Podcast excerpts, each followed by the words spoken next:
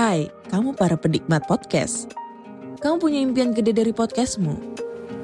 Terus First Story bisa banget bantu kamu. Mulai dari F-Link, Dynamic Audio Insertion, sampai statistik yang komprehensif. Semua ada di First Story. Gak ketinggalan kamu bisa monetisasi podcastmu lewat iklan dari First Story Ads yang bisa kasih kamu penghasilan dari setiap place podcastmu. Yuk gabung sekarang dengan klik di firststory.me. Sekali lagi, klik di firststory.me. Mari kita bawa mimpi podcastingmu menjadi kenyataan.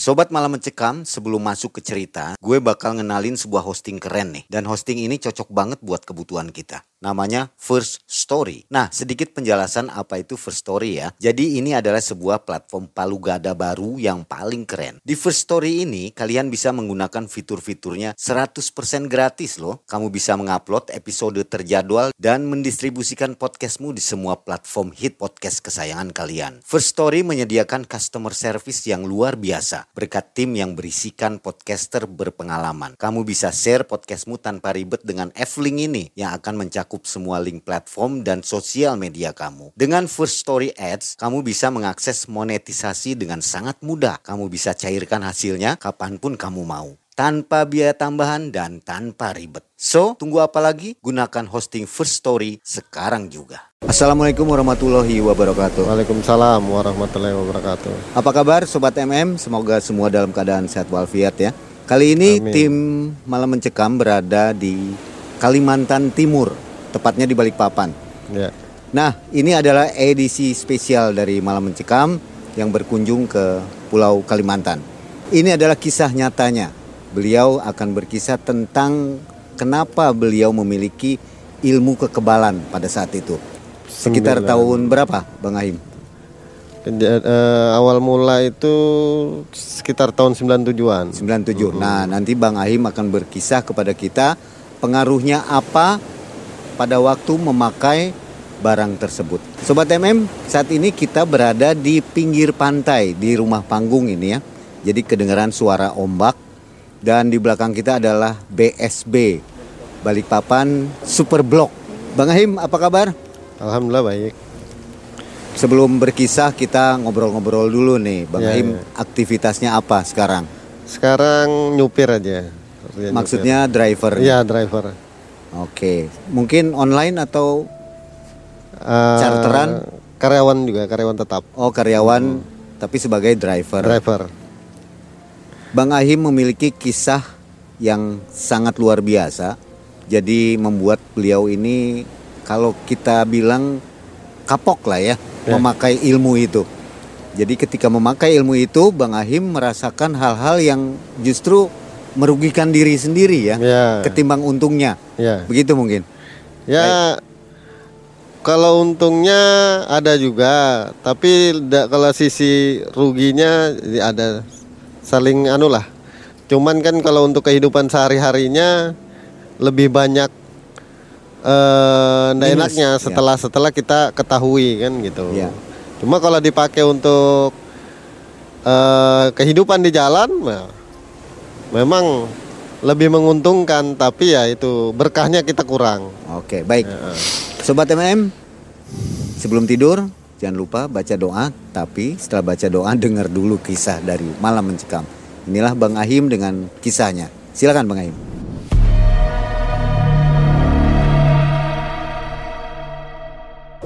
Ya, jadi eh, sebelumnya saya jelaskan dulu apa makna dari nama seperti yang biasa dikenal kalau di Kalimantan itu namanya minyak untalan. Untalan. Ya. Di sini ada beberapa macam, ada yang sifatnya kalau yang instan itu kan namanya untalan. Nah, ada yang belampah, ada juga yang eh, mandi. Kalau mandi umum sudah banyak itu. Kalau um- mandi itu kan yang biasa dimandikan baru diraja pakai tulisan Arab itu kan biasa di di wilayah-wilayah luar pun biasanya pasti ada itu biar baik mau suku Jawa atau mau suku yang lain pun pasti ada begitu. Cuma kalau yang minyak untalan itu setahu saya cuma walaupun saya sampai di Jakarta pun banyak kan perginya ya ke Kal- Kalimantan. gitu karena dia sifatnya instan itu dia Itu cara pakainya gitu seperti apa? ya dia minyak terus dimasukkan di kapas jadi kita bisa te- eh, langsung atau ada yang pakai media pisang Nah, jadi kalau dia pakai media pisang itu supaya eh, enak dia mengeluarkannya kalau dia sudah eh, mungkin dia sudah puas dan dingin tidak mau makai lagi dia bisa bisa makan lagi pisang apa yang pertama kali dia makan itu nanti akan keluar Oh jadi seperti antinya gitu ya? Ya, seperti itu. Tapi ada, ada, mas, ada masa berlakunya. kalau masa berlaku enggak ada. Cuman dia ada pantangan. Biasanya ada pantangan itu. Kalau yang bilang orang kalau dia putih, ah itu ada pantangan. Pantangannya itu dia ndak boleh minum mabuk-mabukan, ndak boleh main perempuan atau berzina. Nah itu sama eh, makan hal-hal sesuatu yang dipandang seperti kayak sayur-sayuran labu itu ndak boleh itu pantangan dia. Tapi kalau yang alirannya ke kiri, ah, dia pantangannya paling satu aja, ndak boleh makan nasi itu, nasi orang selamatan orang meninggal itu. Nah, itu aja yang ndak boleh. Oh berbeda ya. Jadi kalau untuk ke kiri pantangannya lebih ringan. Lebih ringan, bebas dia mau melakukan apa aja, yang penting jangan makan eh, Nasib berkat. nasi berkat. Baik. Asalnya bagaimana kisahnya sampai ingin memiliki ilmu itu? Waktu itu saya pas lagi nongkrong dan kebetulan saya pernah dulu kan eh, namanya anak-anak muda dulu kan suka tawuran antar antar kampung lah ya kan. Nah kebetulan saya juga pernah ngalamin seperti itu. Nah terus saya lihat tuh ada teman saya dia pernah dikeroyok itu kebetulan dia ndak apa-apa dikeroyok itu dia. Saya lihat sendiri dia dikeroyok yang namanya ditikam pakai senjata itu ndak apa-apa. Nah, jadi terpancing saya. Jadi saya datangi dia. Saya bilang gimana caranya supaya bisa seperti itu. Karena saya lihat dia cari pekerjaan itu gampang. Untuk jadi keamanan dia bisa megang di beberapa tempat. Untuk mendapatkan uang gitu kan. Nah, kebetulan saya juga kan kalau dalam segi ekonomi untuk pendidikan kan minim lah. Jadi hanya bisa mengandalkan yaitu tadi keberanian tadi kan. Dan keberanian kalau tanpa modal sangu tadi ya bisa mati konyol kan. Nah, jadi pergilah. Jadi saya tanamkan di situ saya harus kalau orang ini bisa, saya harus lebih bisa daripada dia.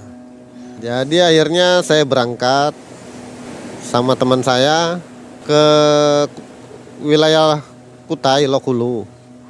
Nah, saya di situ ketemu namanya tapi sudah almarhum. Kalau kita kenal itu namanya Tua Kulis. Waktu saya sampai di sana itu kan dimandiin tuh. Dimandiin terus diraja. Kemudian ditesnya itu pakai belati. Terus digorok nih leher nih. Digorok leher tuh. Nah, dilihat enggak apa-apa. Tapi saya masih merasa waktu itu masih merasa kurang. Kayak belum puas gitu kan. Akhirnya saya pergi ke Banjar. Waktu itu ke Banjar itu sama teman juga. Banjarmasin mas. Ya Banjarmasin. Waktu itu di Belitung Laut saya tinggal di situ ada satu mingguan. Kemudian saja saya pergi ke Pasir Mas. Nah, di Pasir Mas itu saya lihat itu eh, tempat yang saya tinggalin itu dia lagi saung ayam. Eh, dia pakai saung taji itu, pakai taji itu. Dan ayamnya itu disaung itu sampai sampai ndak kuat lagi sudah bertarung. Kurang lebih lebih setengah jam lah hampir satu jam lah kurang lebihnya segitu. Itu ndak apa-apa ayam itu.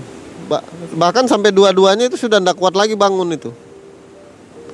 Dua-duanya ndak kuat bangun itu saya lihat ayam ini kok kuat sekali. Nah jadi pas saya bilang paman saya besok mau pulang. Adakah yang buat eh, untuk kalau kita bilang Banjar itu buat jaga diri gitu. ada kayak gasan untuk eh, jaga diri nah pakaian diri. Wah, kenapa mau pulang? Nah apa-apa. Saya enggak bisa lama-lama. Ya maksudnya ulun ka- kada kau lama-lama gitu kan. Akhirnya ya sudah besok aja dia bilang. "Ka- mal ini nanti malam Jumat. Besok hari Jumat nanti baru. Nah, jadi malam itu perasaan sudah kayak ndak bisa tidur gitu.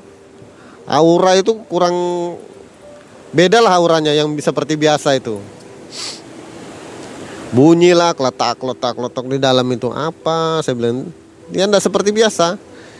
Terus begitu tengah hari Jumat itu saya dikasih kapsul ada tujuh biji. Nah, saya nggak tahu itu apa aja isinya di situ. Jadi saya makan, habis saya telan itu kapsul yang tujuh biji itu kurang lebih efeknya itu saya rasakan itu kurang lebih satu sampai dua jam lah antaranya itu. Kulit itu langsung kayak tebal itu baru kayak berminyak. Nah setelah itu ya seperti biasa lagi. Nah, jadi waktu saya pul uh, pulang pas kebetulan juga ketemu sama teman-teman itu ada masalah rupanya. Uh, waktu itu dia ditipu. Jadi saya ajaklah, saya tanya kan, kamu punya masalah apa? Dan saya punya masalah ini saya mau nagih uang, uang saya. Nah, cuman berapa kali saya tagih, ya hasilnya nihil malah saya dibawakan preman apa semua ya udah saya bilang kamu di mana tempatnya ya kita pergi. Saya bilang begitu. Jadi malam itu saya pergi. Kurang lebih sekitar jam 2 malam pergi. Karena memang orangnya biasa nongkrong kan. Saya pergi itu kebetulan kejadiannya itu di Gunung Pipa dekat sekolahan SD itu. Nah, itu pas saya datang itu sama teman itu memang teman itu tidak tahu kalau saya sudah siap juga kan. Nah, rupanya yang teman saya ini sudah dipukul duluan, dipukul saya tangkap. Saya ngerasa itu dipukulin itu. Ngerasa cuman seperti biasa. Tidak ada akhirnya karena dia lihat saya itu ndak apa-apa ya lari mereka ya kita ngelihat itu barang itu ada gitu loh. Dia bawa senjata apa tuh kita lihat. Baju itu ya robek cuman eh, rasa di badan itu ya kita biasa aja. Biasa cuman dia yang lari. Jadi teman saya tuh merasa ngelihat saya saya ndak apa-apa jadi dia mau ngejar. Saya bilang ndak usah.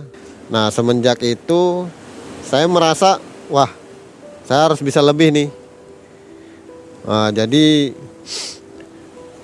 saya banyak ngambil dari beberapa tempat. Pada akhirnya saya juga jaga beberapa tempat sebagai keamanan. Terus saya juga pernah dibawa ke Jakarta waktu itu ke Lipo Cikarang. Ya kalau waktu itu di sana itu saya pas narik alat.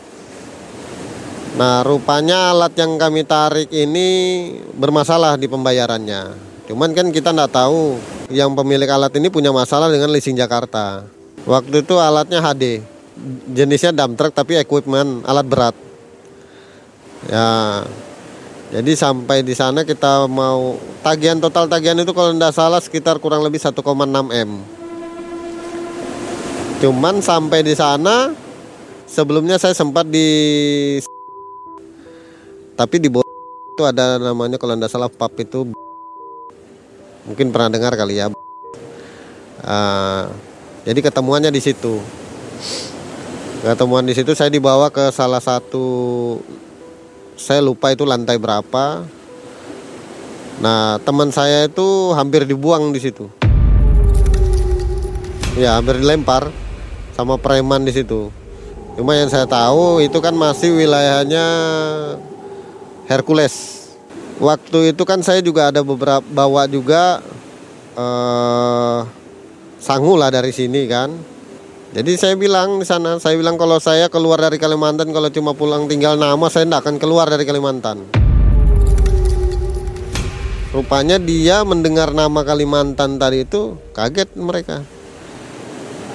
Akhirnya jadi uh, akrab lah bahasanya gitu kan dia bertanya, e, abang dari Kalimantan kan? Ya, saya bilang dari Kalimantan.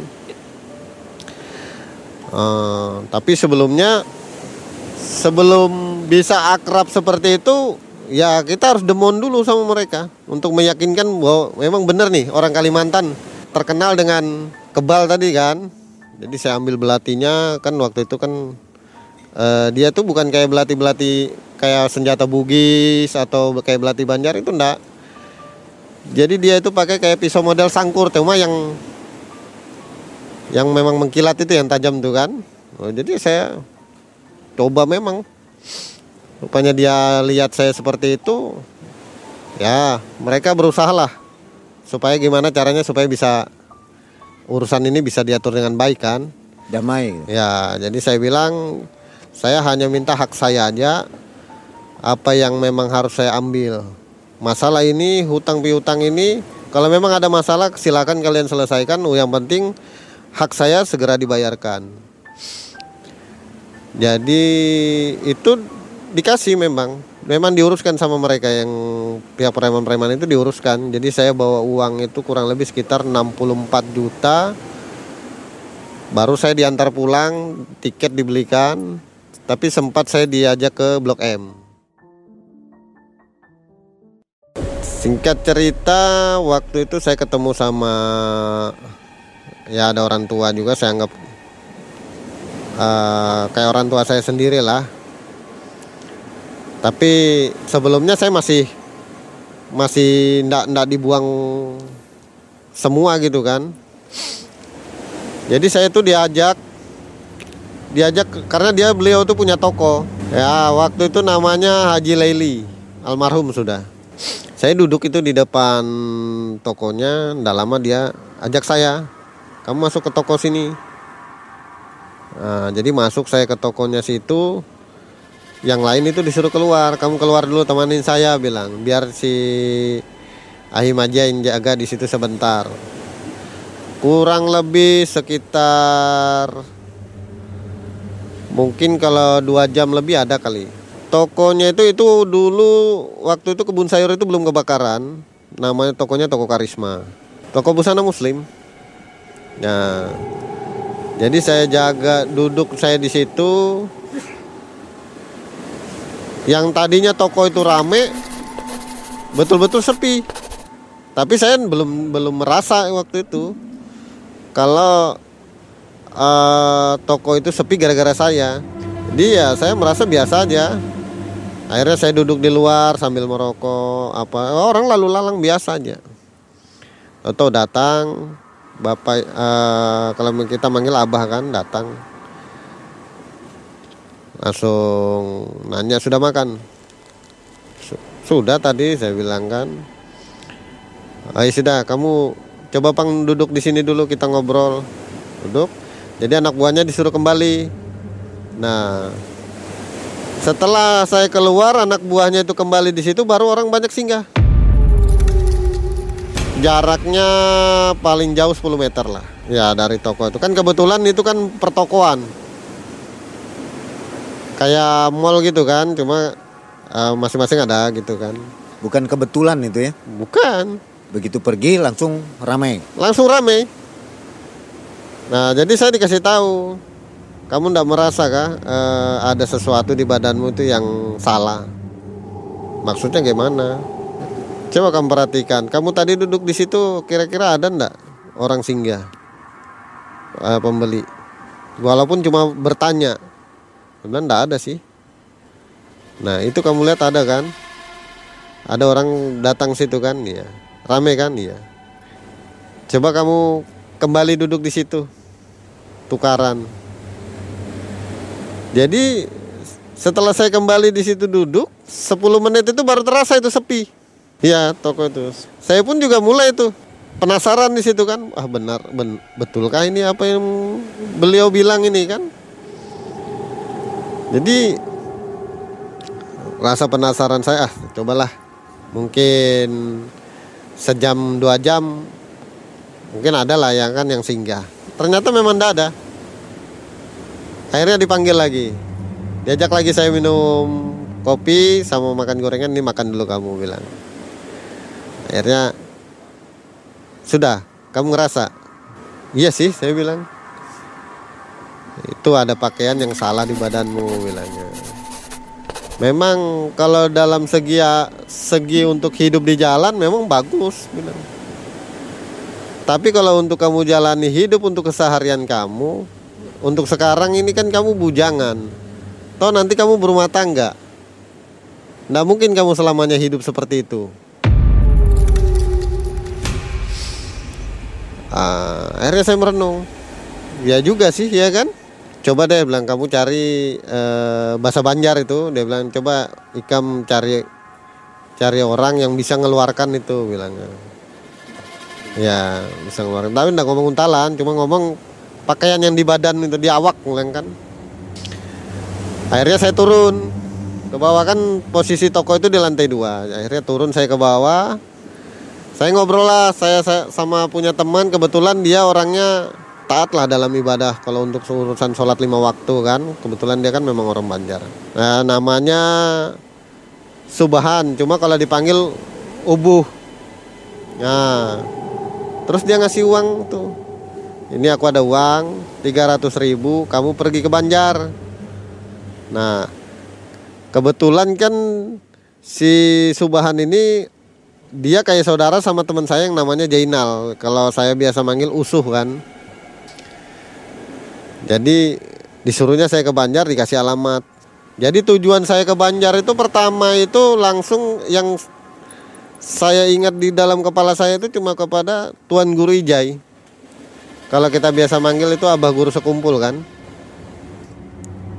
Berangkat saya malam dari Balikpapan waktu itu tiket masih 38 ribu Sampai di Martapura saya turun itu untuk pertama kalinya saya turun di Banjar di Martapura itu. Saya turun itu di pasar. Subuh-subuh eh, orang pada sholat subuh kan karena subuh itu. Jadi saya begitu masuk yang saya ingat itu kan kebiasaan kita itu kalau kita mau sholat masuk pertama kali masjid itu eh, adabnya itu kan etikanya kan kita sholat atahiyatul masjid kan Nah, jadi saya ambil wudhu, saya sebelum masuk itu saya sudah lihat itu ada tuan guru di situ. Walaupun saya belum pernah ketemu beliau, tapi kan kita tahu kalau itu memang beliau gitu loh. Karena kan fotonya, kalau tuan guru ini kalau kita kenal itu memang dia beliau tuh guru besar. Kalau di Jawa itu ya mungkin kalau bisa dikatakan kelasnya ya ulama besar. Karena memang beliau punya karomah kan. Nah jadi saya masuk itu saya ngelihat itu. Jadi saya sholat itu di belakang beliau. Memang jaraknya berapa sap lah ya kan sholat namanya kita sholat subuh sholat sunat itu kan waktunya kan pendek aja kan paling berapa walaupun kita sujudnya selama apa pun namanya sholat sunat itu pasti ngelihat lah orang kalau meninggalkan dia tempat sholat itu kan Nah, tapi setelah saya bangun itu saya tidak ada melihat sudah. Ya saya langsung bertanya kan karena di situ kan saya dilihat seperti orang baru kan. Jadi saya salam di situ terus saya minta uh, bilang kalau tujuan saya datang ke sini saya dari Balikpapan mau ketemu sama tuan guru. Nah ditanya maksud dan tujuannya mau ketemu ini apa? Saya bilang mau mau membersihkan pakaian yang tidak baik ada di badan saya. Nah, saya bilang tadi kan tuan gurunya ada di dalam. Nah sekarang di mana? Loh, tuan guru kan di kamar dia bilang sudah sakit. E, berapa hari sudah? Dan beliau tidak ada keluar kamar. Nah, jadi saya bilang loh yang tadi di dalam sholat itu siapa? Timbullah rasa penasaran tadi kan? Akhirnya habis saya jelaskan gitu, udah lama ada uh, dua orang mungkin seumuran saya lah kira-kira itu dia datang bawa air uh, seukuran botol aqua tanggung itu jadi dia bilang ini dari abah guru disuruh minum.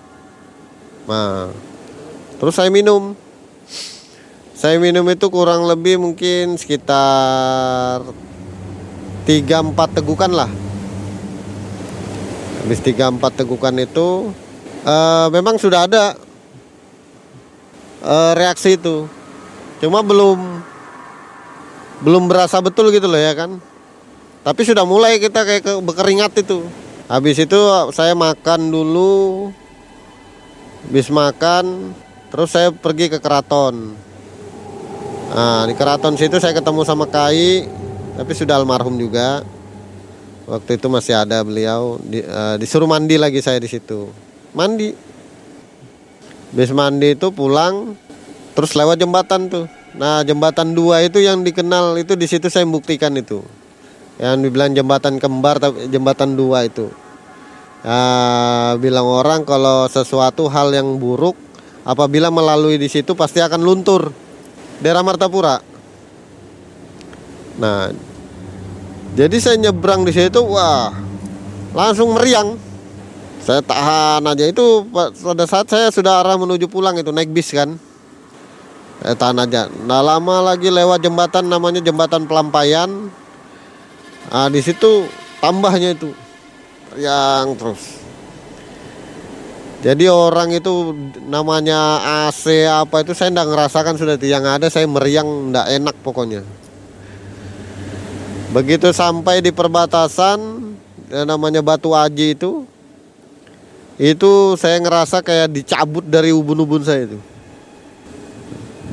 Betul-betul begitu keluar dari situ langsung ringan, plong. Badan ringan. Jadi begitu saya sampai pagi, saya sampai di Balikpapan, saya langsung ke toko. Ke toko tempat Haji Leli itu. Nah, saya naik langsung. Alhamdulillah saya sudah pulang dari Banjar. Oh iya kah? Jadi gimana? Ya ulun ketemu sama guru eh ke wadah guru cuma dikasih air aja ndak ketemu sama gurunya gitu oh ya sudah bilang kalau gitu jaga toko dulu setumat bilang kan? Ya saya duduk di situ kurang lebih setengah jam lah paling lama. Ada sudah orang datang. Itu sudah senangnya bukan main itu. Kembali normal ya? ya kembali normal. Dan itu bukan cuma satu dua orang aja yang datang. Lumayan. Saya langsung disuruh kerja. Besok kerja bilang, sini datang. Jadi saya senangnya bukan main di situ, saya langsung kerja besok itu. Cuman saya masih belum belum mengeluarkan semua waktu itu. Belum bersih. Belum bersih betul, masih ada lah kita anu kan.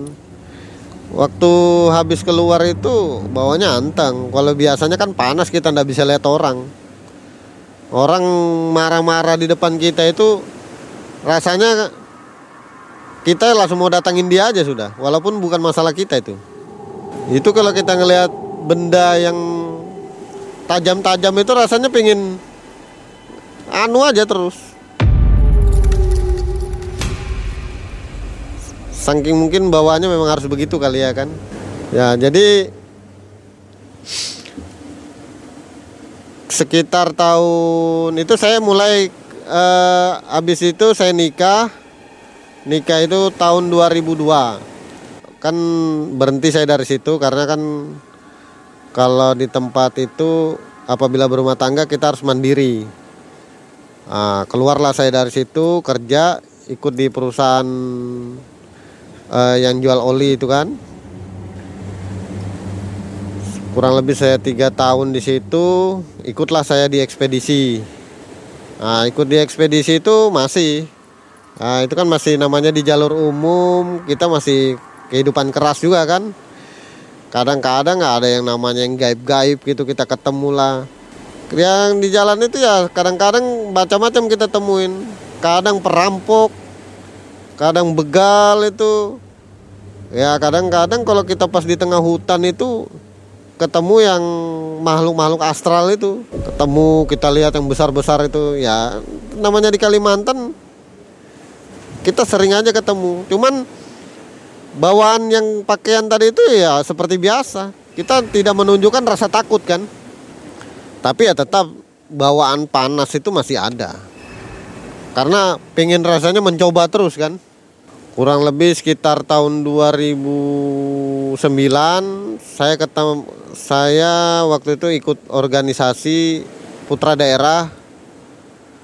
Awalnya itu gepak uh, ketemu orang tua yang namanya kebetulan Abah Ridwan dan saya anggap orang tua sampai sampai dengan sekarang. Sekaligus guru saya juga. Dan beliaulah yang punya artinya andil besar dalam hidup saya sampai dengan sekarang. Karena bimbingan beliaulah saya bisa seperti sekarang ini. Gitu.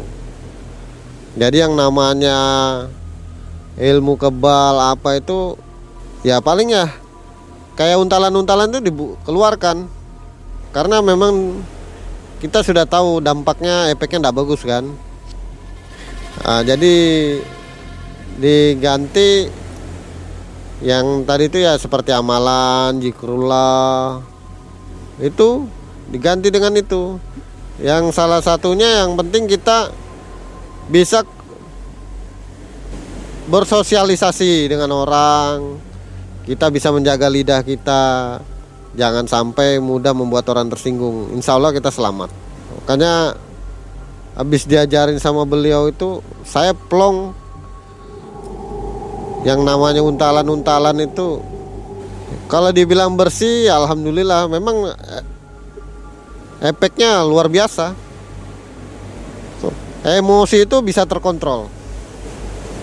Bisa terkontrol. Yang biasanya kita mudah terpancing tuh kalau sekarang mau dipancing kayak apa pun kita masih bisa itu. Masih bisa kita. Tinggal kita maunya gimana. Emang kalau untalan itu instan.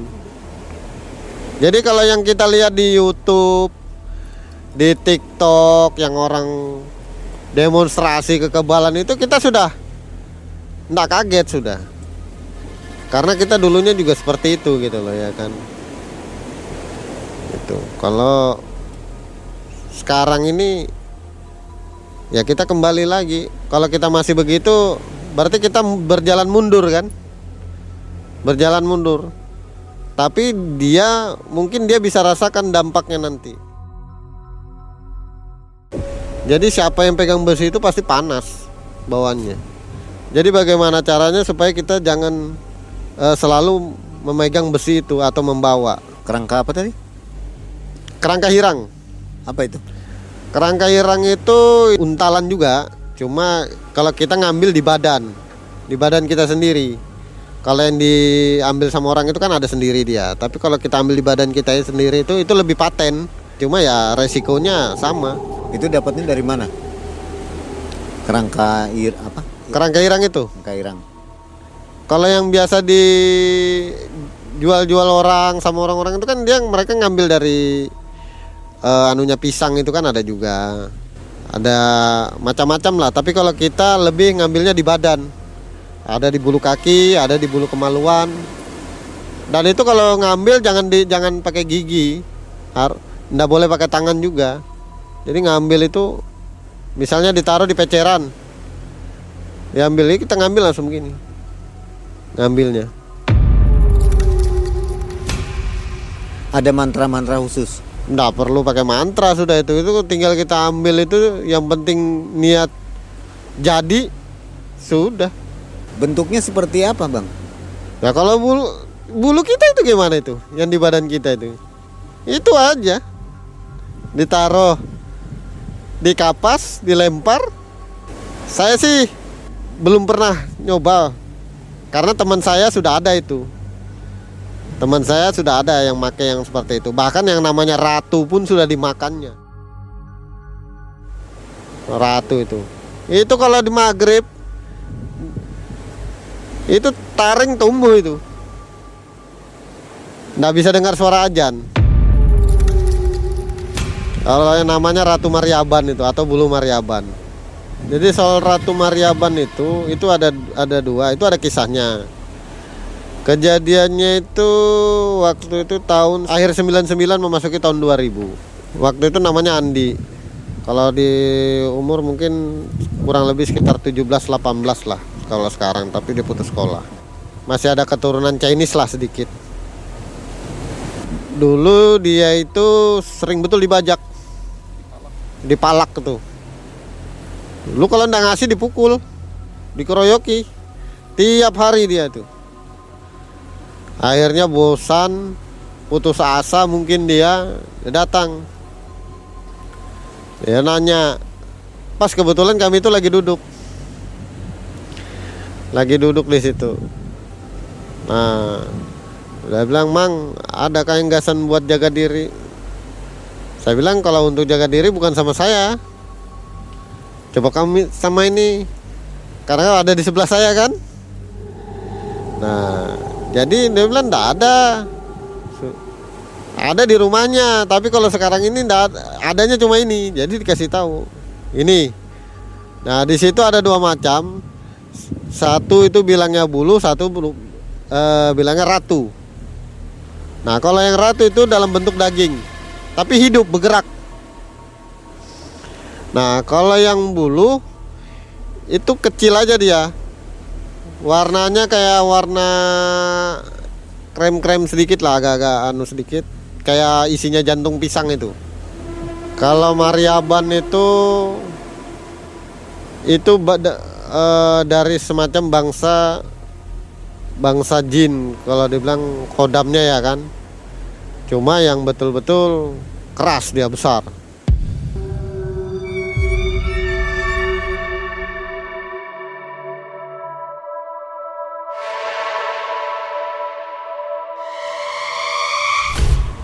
Nah, jadi itu bagian daripada badannya. Ya wujud, kalau dagingnya itu wujud dia. Makanya dia hidup. Bergerak dia dagingnya itu. Apa siapa pun yang memegang itu, yang sudah makai itu, mau di mana aja dia selalu.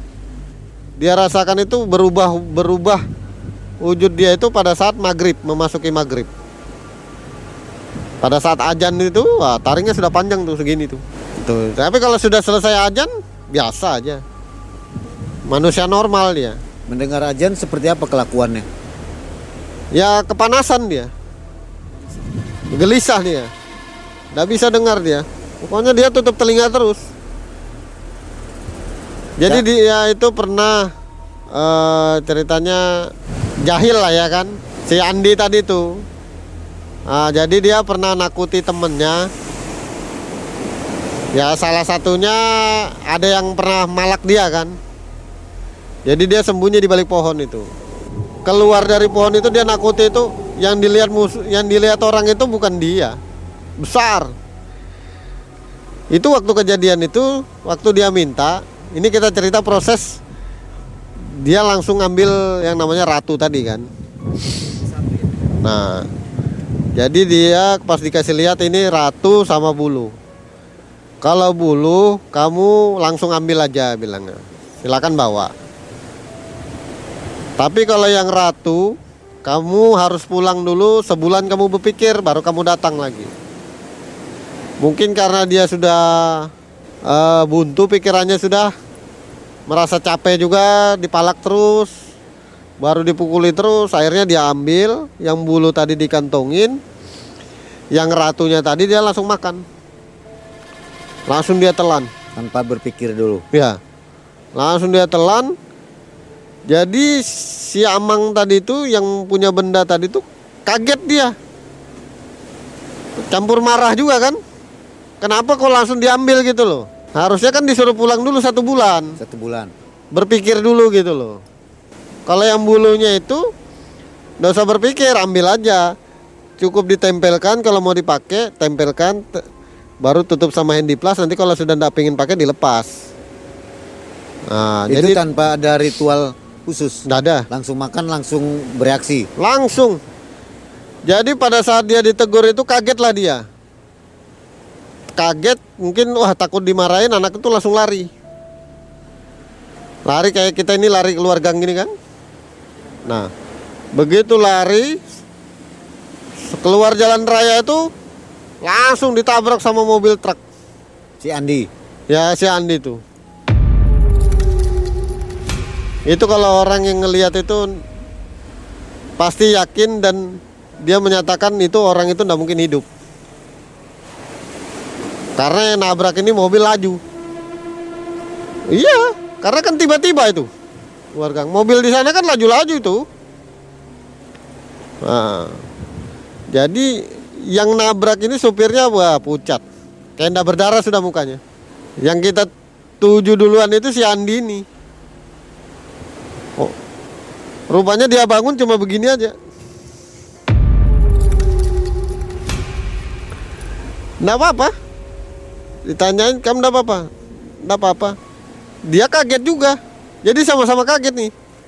Yang bawa yang supir ini betul-betul nggak bersuara sudah. Seandainya ini mati si Andi ini mati juga dia dikeroyoki warga. Tapi karena dilihat ini ndak apa-apa, jadi disuruh pergi aja. Sementara mobilnya itu pesok ke dalam sudah. Wah lihat semua orang rame kok. Pesok itu. Jadi langsung disuruh jalan aja, mobil ini bisa jalan. Kalau bisa jalan langsung pergi aja. Daripada rame nanti kan. Jadi pergi. Nggak ada minta ganti rugi. Pergi aja. Masih hidup Andi sampai sekarang.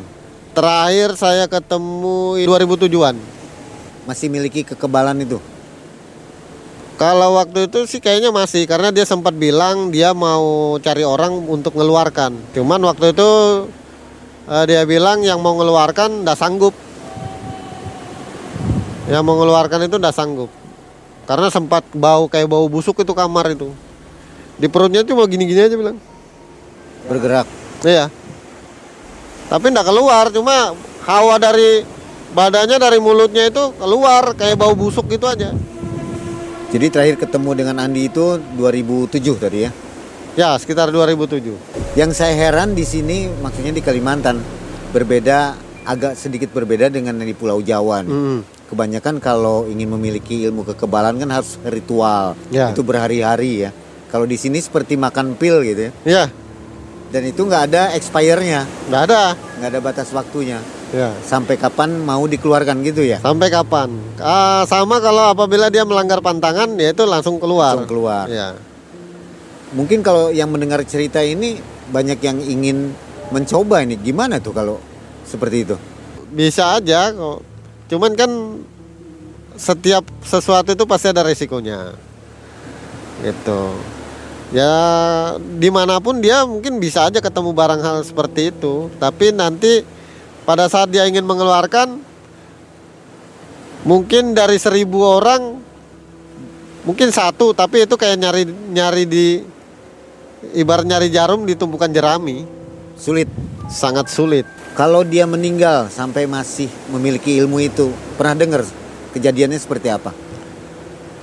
Kalau yang kita tahu sih dari sekian banyak orang itu yang rata-rata itu susah dia mau ber- mau berpulang mau meninggalnya itu susah. Ya, kalau dari sebagian itu kan kalaupun dia meninggal min- minyak atau kodamnya itu kan dia lagi yang ngisi di situ. Dia yang masuk di dalam situ, dalam tubuhnya itu. Jadi dia bangun Sebenarnya udah meninggal. Walaupun dia sebenarnya sudah meninggal. Jadi saya kasih contoh itu dulu ada teman itu. Ah, dia nguntal salah satu itu termasuk ada namanya ah, minyak bintang. Nah, jadi dia itu dikeroyok sampai dibuang di bak sampah. Jam 7 malam dia bangun. Bangun. Jadi datang dia kembali ke tempat yang ngeroyok dia itu. Orang yang ngelihat dia yang ngeroyok tadi itu ya lari tambur. Orang dia tahu mati kok sudah. Jadi ya kelakuannya ya beda lah sama manusia biasa. Nah, tapi akhirnya ya mati juga. Setelah Betul. ada yang mengeluarkan mungkin ya. Akhirnya mati juga keluarnya. Itu efek kepada keluarga seperti apa? Kalau efek kepada keluarga ya paling di dalam rumah itu ya eh bawaannya sih nggak tenang. Karena kan yang di rumah itu pasti eh, panas kan kena auranya itu hawanya itu. Nggak harmonis seperti itu ya? Ya kalau dibilang harmonis sih tinggal dari keluarganya aja tapi lebih banyaknya kurang harmonisnya Panas. karena panas. Dari kisah ini saya dapat pesan bahwa dengan menggunakan untal itu sangat tidak bermanfaat ya. Ya. Mungkin ada tambahan pesan dari Mas Ahim? Dari saya sih pesan ya kalau untuk yang sudah memakai untalan ya kalau bisa jangan ditambahin ya kan kalau bisa dikurangin yang dibilang oh ini ada pantangannya atau dibawa sholat lebih bagus ya alangkah lebih bagusnya dibawa sholat terus ya kan supaya eh, efeknya lebih bagus. Lebih bisa dikontrol. Nah kalau yang belum tahu kalau bisa jangan karena nanti dampaknya eh, kurang baik. Ya terutama dari segi emosi belum tentu itu bisa mengontrol. Ya kan? Dan untuk cari rezeki itu nggak gampang lebih baik yang bagus-bagus saja ya kalau mau kita serah kita yakin rezeki itu datang dari Allah ya kita usaha ikhtiar Nah, sobat MM, mudah-mudahan dari kisah ini kita semua mendapatkan info atau pembelajaran yang lebih baik. Jadi, usahakan jangan menggunakan benda-benda seperti itu. Hmm. Gunakanlah murni saja, tetap kepada Allah Subhanahu wa taala. Mungkin Ya, seperti itu ya. iya. Kita akhiri dari Balikpapan. Terima kasih Bang Ahim. Tim Mal Mencekam undur diri. Assalamualaikum warahmatullahi wabarakatuh. Waalaikumsalam warahmatullahi wabarakatuh